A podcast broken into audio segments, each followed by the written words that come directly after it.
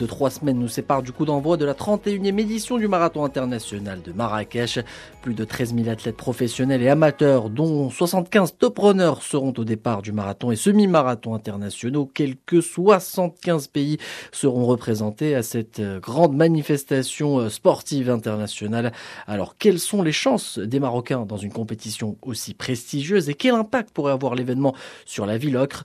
Pour répondre à ces questions, Mohamed El directeur du marathon, il est notre invité de ce tour des stades. Déjà l'année dernière, nous avons un athlète, Talhawi, qui devait rentrer troisième, donc il pouvait être sur le podium. Malheureusement, jusqu'à la dernière les cinq dernières minutes, il a été dépassé donc par un Kenyan. Il est rentré quand même quatrième. Donc c'est une très bonne performance. Cette année, nous avons de grands champions marocains, comme euh, par exemple Kouahi, qui vient de gagner donc deux marathons au niveau de, de l'Asie, en Chine et au Japon. Et c'est lui donc qui nous comptons beaucoup sur le Kouahi pour justement être euh, occuper l'une des places du podium. Et puis nous avons euh, plein d'autres euh, marathoniens marocains qui sont très bons, qui ont 2h10, 2h11 et qui peuvent réaliser donc une performance intéressante au niveau du marathon de Marrakech. Et puis ce qui est intéressant aussi, c'est que beaucoup de gens viennent courir le marathon de Marrakech pour justement avoir le minima pour pouvoir donc participer aux Jeux olympiques de Tokyo, aux championnats du monde de Tokyo et aux Jeux olympiques euh, également. C'est donc des Algériens qui viennent pour ça, des gens de, pays européens qui viennent pour ça. Beaucoup d'Africains viennent justement courir le, marathon de, Marrakech pour assurer justement pouvoir donc assurer le, le minima. Et puis ce qui est intéressant aussi, c'est que au niveau du semi-marathon, ne pensant que les Marocains vont gagner comme l'année dernière. Vous savez que l'année dernière, le semi-marathon a été gagné aussi bien pour les filles que pour les garçons par des Marocains.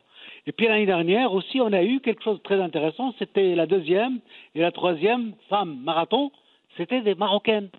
Pour la première fois que ça arrive chez nous à Marrakech, je pense même à Marrakech, je ne peux pas parler de, de marathon marocain, je parle surtout de Marrakech, puisque c'est le marathon de Marrakech, c'est le plus important évidemment au niveau de l'Afrique du Nord, pour ne pas dire de l'Afrique. Et puis donc, euh, nous, nous, attendons à de très bons résultats et à une très bonne euh, course, une bonne compétition entre les Marocains et les Africains. Enfin, dernière question, Monsieur Mohamed El-Knidri. Euh, cette compétition pourra mettre en lumière les athlètes marocains, mais au-delà de ça, elle pourra mettre également en lumière la ville de Marrakech, euh, connue pour euh, son côté touristique et qui pourrait justement être boostée lors de cet événement. Eh ben, je pense que le Marrakech, déjà, je pense que ça nous aide aussi.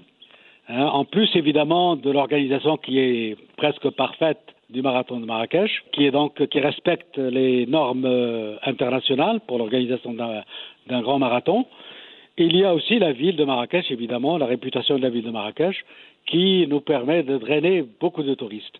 Et je peux dire que sur les marathoniens qui viennent à Marrakech, qui courent le marathon de Marrakech, 50% des marathoniens sont étrangers. Ils viennent principalement d'Europe, mais ils viennent aussi de, des autres continents, 75 à 76 pays de tous, des cinq continents. Et puis pour le, semi-marathon, on a à peu près 30% de coureurs qui nous viennent de l'étranger, ce qui est déjà très important. Avoir déjà 50% de marathoniens qui viennent de, de l'étranger, c'est déjà très important. Et puis pour dire euh, l'impact, peut-être il faut le dire aussi, l'impact économique sur la ville de Marrakech. Vous savez que les marathoniens, quand ils viennent dans une ville, ils viennent euh, rarement, ils viennent seuls. Ils viennent souvent accompagnés. Donc, euh, sur les 13 000, je pense qu'on peut, même les Marocains, on peut donc euh, au moins avoir à peu près 20 000 personnes qui vont donc être à Marrakech à raison à cause du marathon. Alors j'ai fait un petit calcul, on a à peu près une rentrée très facilement de 15 milliards de centimes pour la ville de Marrakech pendant la période du marathon. Ce qui fait donc un, apport très important sur le plan économique. En plus, évidemment, du rayonnement pour la ville de Marrakech et pour le Maroc, puisque les marathoniens, vous le savez, sont de grands ambassadeurs qui parlent beaucoup quand ils sont contents, quand ils sont satisfaits d'une course, et c'est le cas en général du marathon de Marrakech, eh bien, ils en parlent un peu partout dans le monde où il, euh, où il participe à des marathons. Le rendez-vous est donc pris pour le 26 janvier prochain à Marrakech pour cette 31e édition du marathon international.